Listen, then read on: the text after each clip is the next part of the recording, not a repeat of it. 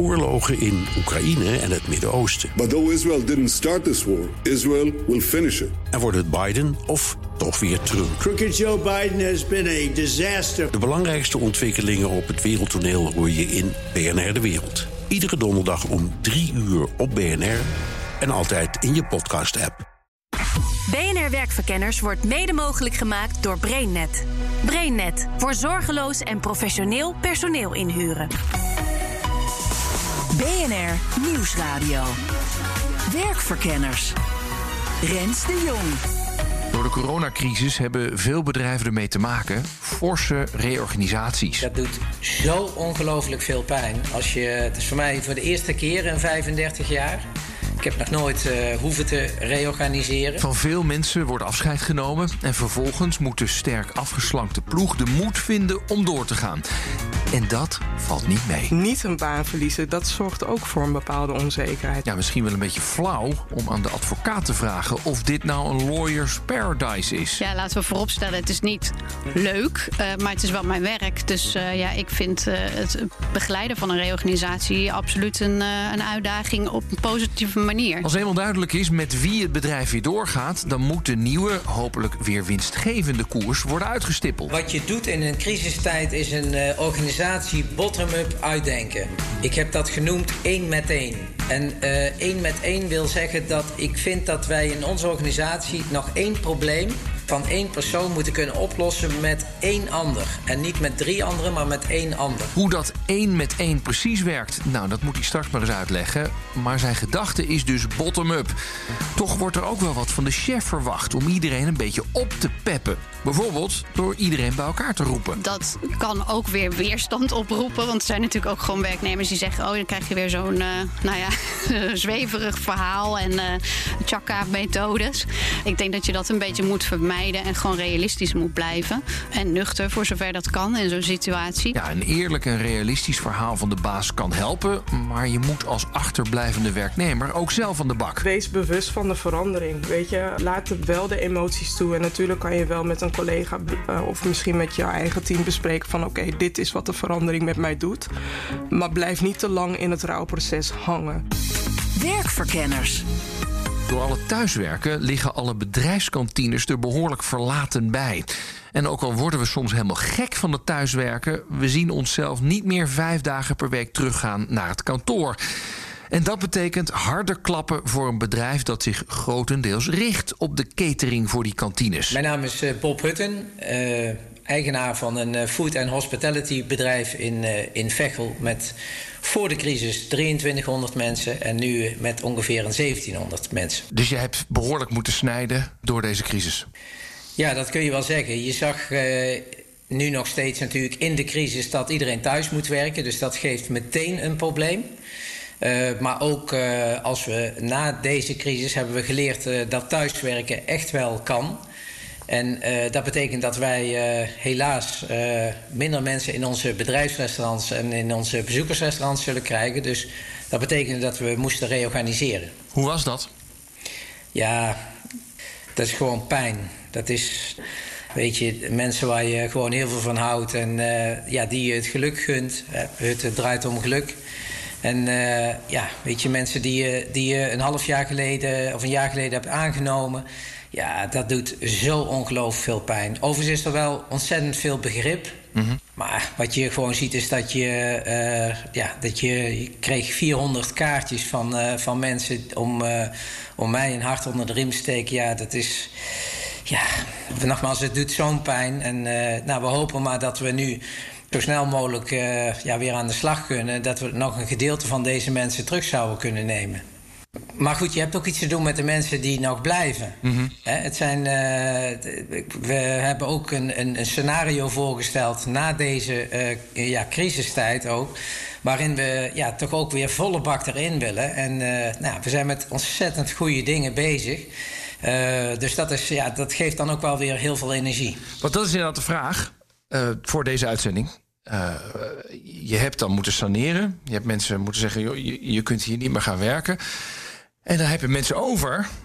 En daar moet je de oorlog gaan winnen. Ja. Is dat lastig?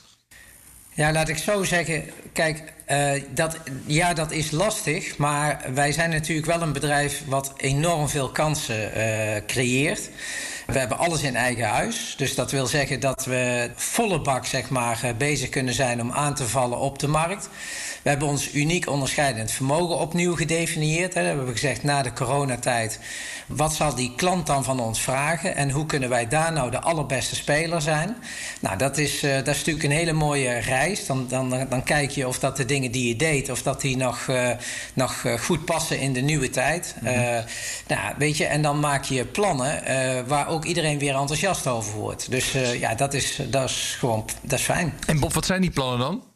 Nou ja, kijk, je, je, wij gaan ervan uit dat zeg maar, in de uh, bedrijfscateringwereld bijvoorbeeld... dat mensen wat meer uh, uh, goede voeding willen. Die mensen weerbaar en vitaal maakt. nou, daar hebben we allerlei concepten voor uit ontwikkeld... die en heel kostenefficiënt zijn... maar ook gewoon heel creatief en, ja, en, en super lekker zijn. Dus ja, daar... daar, daar daar, daar, krijgen we zelf al zoveel energie van. Dus wij hopen onze opdrachtgevers natuurlijk ook. En, maar is ja, dat, ook voor de thuiswerkers? Want, want we gaan natuurlijk twee, drie dagen thuiswerken, ook na corona.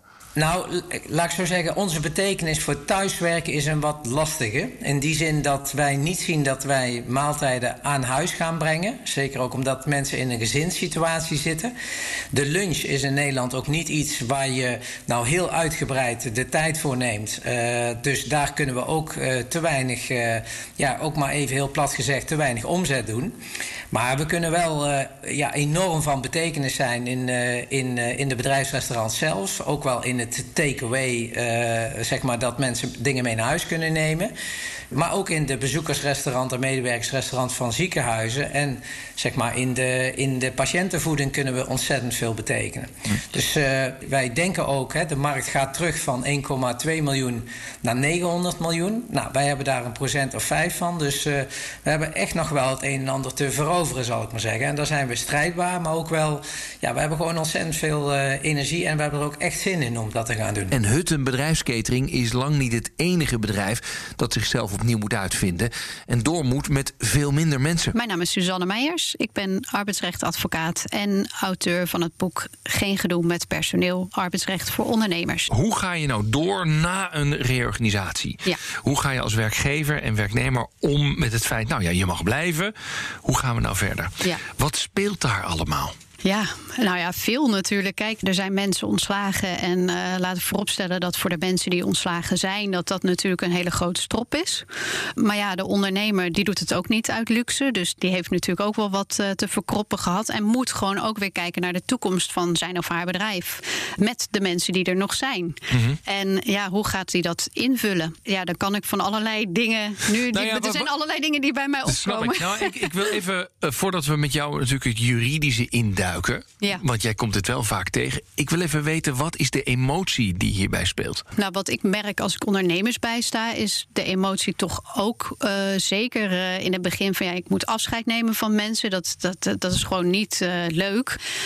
Ja, en hoe ga je dan daarna je bedrijf weer vormgeven met de mensen die er nog zijn? Um, je hebt net afscheid moeten nemen en je moet gelijk weer door. Hoe ga je weer de insteek naar uh, het positieve krijgen? En dat gaat natuurlijk niet altijd over één nacht ijs. Mm-hmm. En de mensen die achterblijven, die zitten toch weer in een andere sfeer met elkaar. Dan, ja, dat is een deel van het team is gewoon weg. Dus hoe krijg je dat weer goed? Ja, kom je dat ook wel tegen, dat daar dus ook best wel een soort nou, rouw nog is op de werkvloer? Ja, ja, ja je zou het wel rouw kunnen noemen, inderdaad. Ja. Ja. Ben jij ook nog betrokken bij de fase nadat de reorganisatie is geweest? Meestal uh, als het gaat om functies die anders ingestoken worden, dan uh, ben ik daar uh, absoluut bij betrokken. Mm-hmm. Meer het rouwonderdeel waar je het over hebt, daar niet zozeer. Hè. Dat is meer de zachte kant uh, waar ik niet zo echt bij uh, betrokken Jij ben. doet gewoon alleen de snoeiharde juridische kant. ja, zo zou je het kunnen zeggen. Ja. Nou ja, maar dat is natuurlijk wel interessant om heel even te kijken naar... mensen gaan dan naar een andere functie toe. Kan dat zomaar allemaal? Het, favoriete antwoord van de meeste advocaten is dan... Uh, dat ligt eraan. en dat ligt dus ook aan een situatie. Maar het kan wel zo zijn dat... ik noem maar even als een voorbeeld. Hè, stel dat je een, een winkel hebt en iemand is manager... en niet zozeer op de werkvloer aanwezig en die managementlaag wordt uh, geschrapt, dan kun je je voorstellen dat er best nog wel wat taken resteren. Dus dat, uh, ik noem maar even uh, het maken van roosters of het begeleiden van de mensen die nog achterblijven dan kan een ondernemer beslissen van ja, ik heb die managementlaag geschrapt. Ik ga zelf de resterende mensen begeleiden. Maar het maken van de roosters heb ik geen, geen behoefte aan. Dat laat ik over aan iemand op de werkvloer. En die krijgt dan een taak erbij. Nou, dat mag je gewoon vragen van iemand. Dus dat, dat is niet zo'n probleem. Het kan ook zo zijn dat je echt een heel andere functie gaat creëren. En dan moet je wel echt in, in gesprek met de mensen van ja, is dit iets wat jij ook zou ambiëren? Kun je dit? Hè? Dus naast je eigen taken, wat taken oppakken, dat is geen probleem. Dat mag je als ondernemer gewoon vragen van een werknemer. Maar wordt het een heel andere functie, dan moet je echt wel meer in overleg gaan met elkaar. Nou, juridisch moet natuurlijk alles goed geregeld worden bij een reorganisatie. Maar vergeet ook zeker niet de emotie emoties en de onzekerheden die leven bij de mensen die mogen blijven. Mijn naam is Vivian Aqua en ik noem mezelf de inclusieve Workplace Wellness Advocate. En het komt op zijn Nederlands neer dat ik me bezighoud zeg maar, met inclusiviteit in combinatie met duurzame inzetbaarheid, maar dan de holistische variant daarvan. Ik ben echt een beetje blown away alvast. De, de, de, de Workplace Wellness, dat was Advocate. het al? Advocate. Ja. Wat doe je dan precies? Gewoon concreet? Concreet adviseer ik organisaties op het gebied van duurzame inzetbaarheid. En uh, de reden waarom ik ja, het op zijn Engels doe, heeft meer te maken met de terminologie workplace wellness. Dat is een, een holistische variant van duurzame inzetbaarheid. En die ja, die past beter bij de duurzame inzetbaarheid dan de duurzame inzetbaarheid die nu in Nederland wordt toegepast, waarbij er voornamelijk wordt gekeken naar de fysieke gezondheid, uh, zo nu en dan de mentale gezondheid. Maar er zijn zoveel andere aspecten die van belang zijn, die niet genoeg worden meegenomen. Dus dan kijk ik naar de mentale gezondheid, maar ook ja, wat voor aspiraties heeft een medewerker. En daarnaast ook financiële gezondheid. En dat neem ik dus mee in Workplace Wellness. Laten we praten over die club die overblijft. En ik kan me uh, dat zelf herinneren, want ik heb ooit ook wel leiding mogen geven aan een uh, bedrijf. Mede. En toen dacht ik zelf als leidinggevende: Nou jongens, hey, dit is het clubje waar we mee moeten gaan doen. Kom op, wees eens vrolijk. En ik herinnerde me dat mensen nog echt in een soort rouwfase waren. En waar ik al enorm veel te ver voor de troepen uit aan het lopen was. Is dat normaal of is het echt een enorme beginnersfout van mij? Uh, deels is het wel normaal. Dat ligt natuurlijk aan jouw karakter. Maar vergeet ook niet, jij wist waarschijnlijk wat er aan zat te komen veel langer. Hebt het ook veel ja. eerder kunnen verwerken. Dan de medewerkers die te horen krijgen dat ze, uh, dat ze misschien meer moeten doen met minder mensen. Dus uh, jouw rouwverwerkingsproces heb jij veel eerder gehad dan de mensen die later het nieuws krijgen te horen. Dus ik zou eerder zeggen. Ga één op één met het gesprek aan met de mensen, zodat, zodat je weet waar ze in het rouwproces staan. En ondersteun hun in het rouwproces. Vergeet niet. Maar gebeurt, gebeurt dat vaak dat bazen dus inderdaad al veel verder zijn in het rouwproces en dat die medewerkers nog zitten, ik moet dit allemaal nog even verwerken? Ja, klopt. Dan vergeet ook niet Vaak weten managers de informatie al een maand of zeker twee maanden van tevoren.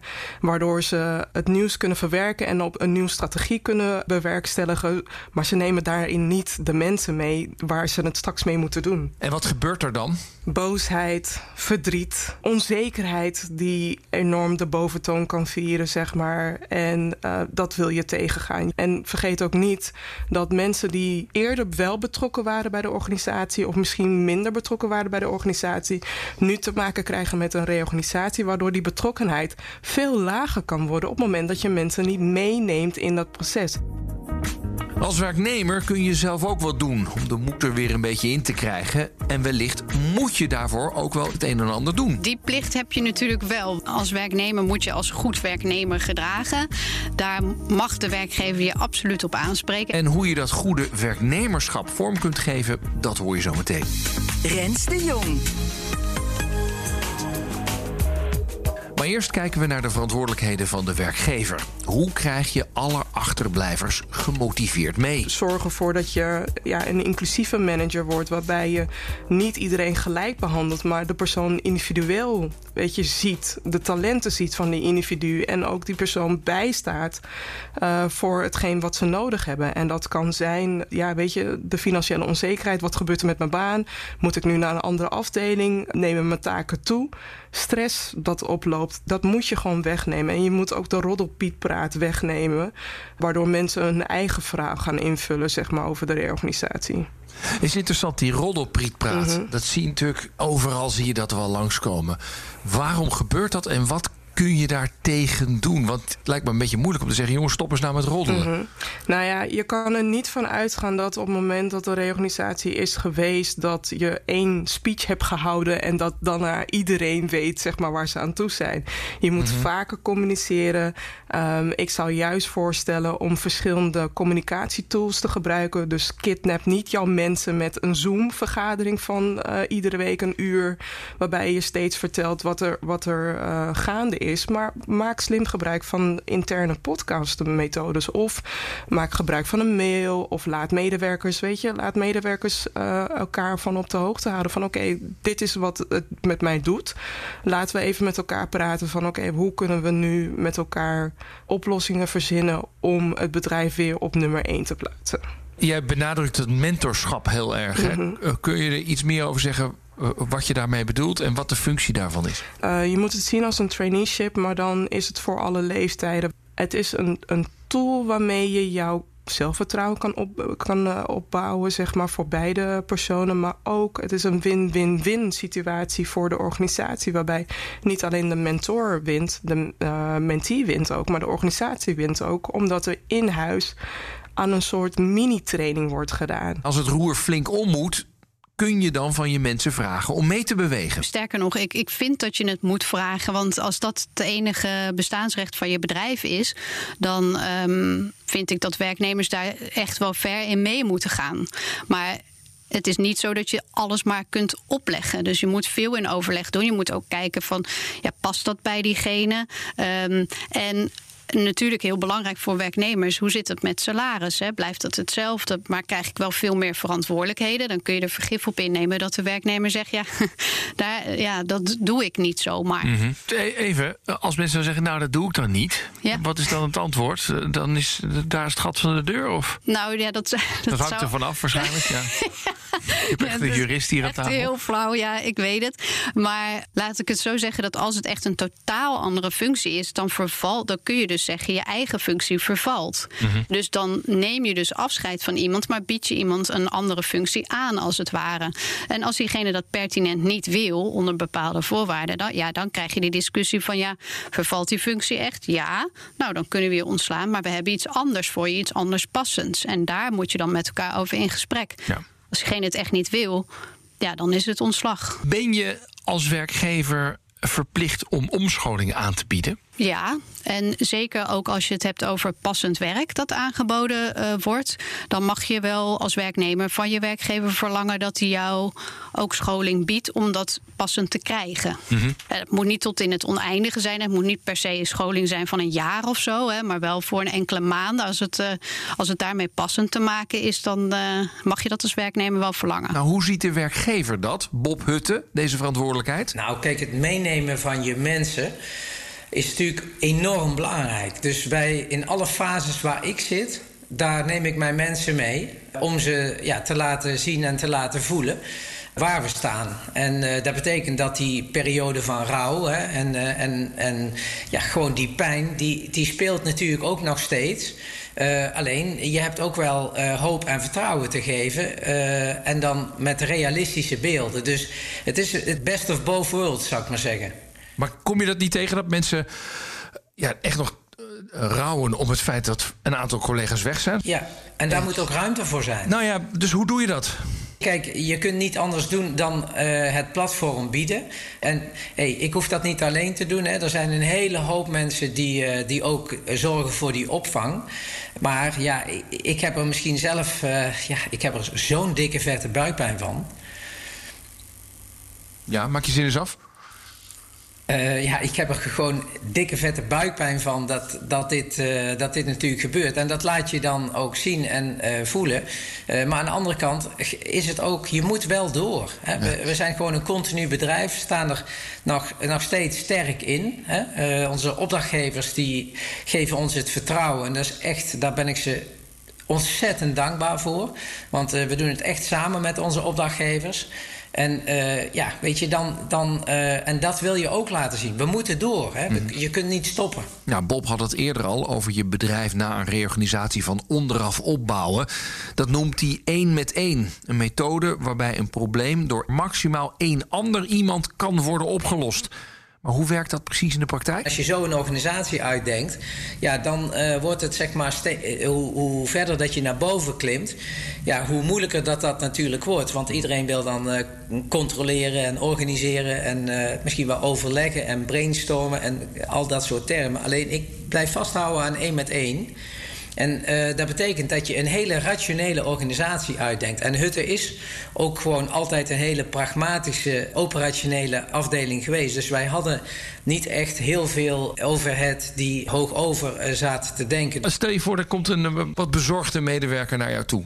Je zegt, ja Bob, ik weet het allemaal nog niet hoor. Want we hebben wel ideeën en je bent een toffe vent. En we gaan het heus wel redden. Maar ik, ik, nou, ik zit nog een beetje er depri in. Wat zeg jij dan? Nou, ik eerlijk gezegd maak ik dit gewoon niet mee. Dus ik, het is niet om, uh, om iets te verhullen of zo, maar ik maak niet mee dat, dat iemand uh, depri is en. Nee, toen de crisis zich manifesteerde, toen heb ik een vijflijnenstrategie uh, ingevoerd. Dat, was, dat ging over cash management, dus bovenop je klanten zitten en, en zorgen dat uh, die je nieuwe contracten uh, kunt sluiten of mag blijven, maar dat er ook geld binnenkomt. Tweede was dat je post-corona veilig opstart. Derde was dat je een hele hoop veranderingen door wilde voeren, want we waren veel te hard gegroeid de laatste jaren en dan word je slordig op de achterkant. Nou, er waren 55 veranderingen. Vierde was dat je dus zat met, dat, met de reorganisatie, 30% minder mensen. En vijfde was dat uniek onderscheidend vermogen. En iedere week heb ik daar met mijn uh, leiders, hebben wij daar uh, heel kort op gemanaged. Dus er is heel veel energie ontstaan ook uh, en kansen gecreëerd om die achterkant beter te maken. Waar we heel veel energie van krijgen, die ons gaat helpen in de toekomst. Nou, dat is de flow waar Hutte in zit. Ja, natuurlijk mag je als achterblijver best veel van je chef of van je baas verwachten. Ik bedoel, zij zagen de reorganisatie waarschijnlijk al langer aankomen dan jij en hebben al langer nagedacht over hoe het nu verder moet. Maar je moet er zelf ook mee aan de slag. Als medewerker wil ik juist de mensen erop attenderen dat je niet alleen je lot aan je manager moet overlaten. Ga activeer jouw zelfleiderschap. Ga zelf op zoek naar een mentor of ga zelf contacten uh, leggen met andere mensen, zeg maar. En zorg ervoor dat je die verandering zoveel mogelijk te proberen te omarmen. En begeef je niet zeg maar, in een negatieve uh, of in een roddelcircuit. Want het komt op een gegeven moment uit. En dan staat jouw naam zeg maar, bovenaan de lijst bij de, misschien de volgende reorganisatie. En dat, dat wil je gewoon niet. Wat kun je als werknemer nou zelf doen om door te gaan, uh, duurzaam inzetbaar te blijven? Zorg ervoor dat je op zoek gaat naar misschien een, een functie binnen de organisatie. En als dat je ambitie is om zeg maar, naar een andere functie functie te gaan, maak dat ook duidelijk. Probeer met die andere afdeling te connecten van ja, ik wil heel graag zeg maar naar de andere afdeling toe. Wat, moet, wat voor skills moet ik hebben? Kijk naar je mm -hmm. skills en probeer zelf te investeren in je eigen groei. Als het binnen de organisatie niet mogelijk is, zorg ervoor dat je zelf investeert in je eigen groei. En om er positief in te blijven staan, kan het ook goed zijn om erbij stil te staan dat je niet ontslagen bent. Als je mag blijven, dan, dan is dat al echt al heel fijn in deze tijd hè, dat je dat realiseert. Realiseert niet iedereen zich dat? Nee, nee. nee, mijn ervaring is dat sommige mensen ja, of er zijn ook werknemers die vragen om zelf te mogen vertrekken, hè, uh, mits ze dan een, een groot pakket meekrijgen. En dat kan gewoon niet altijd geboden worden. Dus als iemand al wat minder gemotiveerd is, zal hij daar misschien eerder om vragen. En hoe kan je als werknemer uh, employable blijven? Vraag gewoon om scholing. Want in principe heeft de werkgever wel de plicht om je te scholen, los van een reorganisatie zelfs. Dus ja, als jij iets hebt, en dat bedoel ik, moet wel echt nodig zijn om jezelf in die functie of hè, buiten weer lekker. Um, geschoold te krijgen, ja. om het zo te zeggen. Geen klankschalentherapie nee. of zoiets dergelijks. Heb je een plicht als medewerker om gemotiveerd te zijn? Nee, nou ja, gemotiveerd zijn, nee, het was het maar zo. Was nou ja, het maar, maar zo. Dat is natuurlijk wel, nee, je, je ja, zit in een soort met verhaalperiode. Je bent wel veel van je collega's kwijt. Ja. De toekomst is onzeker. De, de, de, baas doet heel erg zijn of haar best om te zeggen... nou, dit is het toekomstplan, et cetera. En jij blijft nog een beetje hangen in... ja, het is allemaal een puin zo hier eigenlijk. Ja, ja, ja. dat, Ja. dat chagrijn, dat kennen we wel een beetje. Ehm, kan iemand jou aanspreken of joh, even één ding. Ah, Je, A, je hebt je baan gehouden. Ja. Op een gegeven moment verwacht ik wel even dat we door kunnen. Ja, tuurlijk. Nee, vanzelf. Ja, Bob Hutte ziet die positiviteit al wel bij zijn mensen. En hij heeft vooral een boodschap voor de politiek. Nou, ik concentreer mezelf op die dingen die ik echt kan beïnvloeden. Kijk, als eh, onze premier blijft vertellen dat je eh, niet, eh, niet meer niet op de zaak mag werken, ja, dat, dat is voor mij natuurlijk weer een, een map in mijn gezicht. Wel of niet eh, terecht, dat is niet aan mij om dat te bepalen. En ik moet dan vervolgens meteen daar scenario's tegenover zetten. Hè? Wat betekent dat dan? En, nou, en dan gaan we weer de volgende maanden in.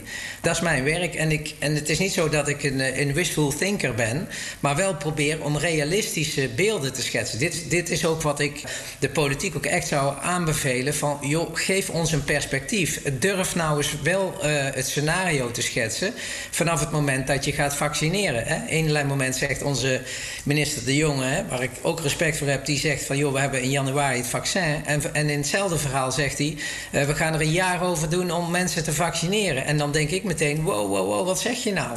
Want kunnen we helpen dan? Want ik bedoel, wij hebben het liefste dat iedereen binnen, eh, als ondernemers wil je dat gewoon iedereen binnen twee maanden gevaccineerd is, toch? En dat je meteen alles open kunt gooien. Ja, precies. Waarom zouden ze daar nog... eh, ja, la- laten we hier dan ook een wartime effort voor maken, toch? Ja. Precies, maar waarom, kijk, ik maak in mijn bedrijf, moet ik dit soort scenario's maken om mensen aangesloten te krijgen. Ja. Maar ik vind ook dat de overheid deze scenario's zou moeten maken om ons hoop te geven van hoe het nou straks verder gaat.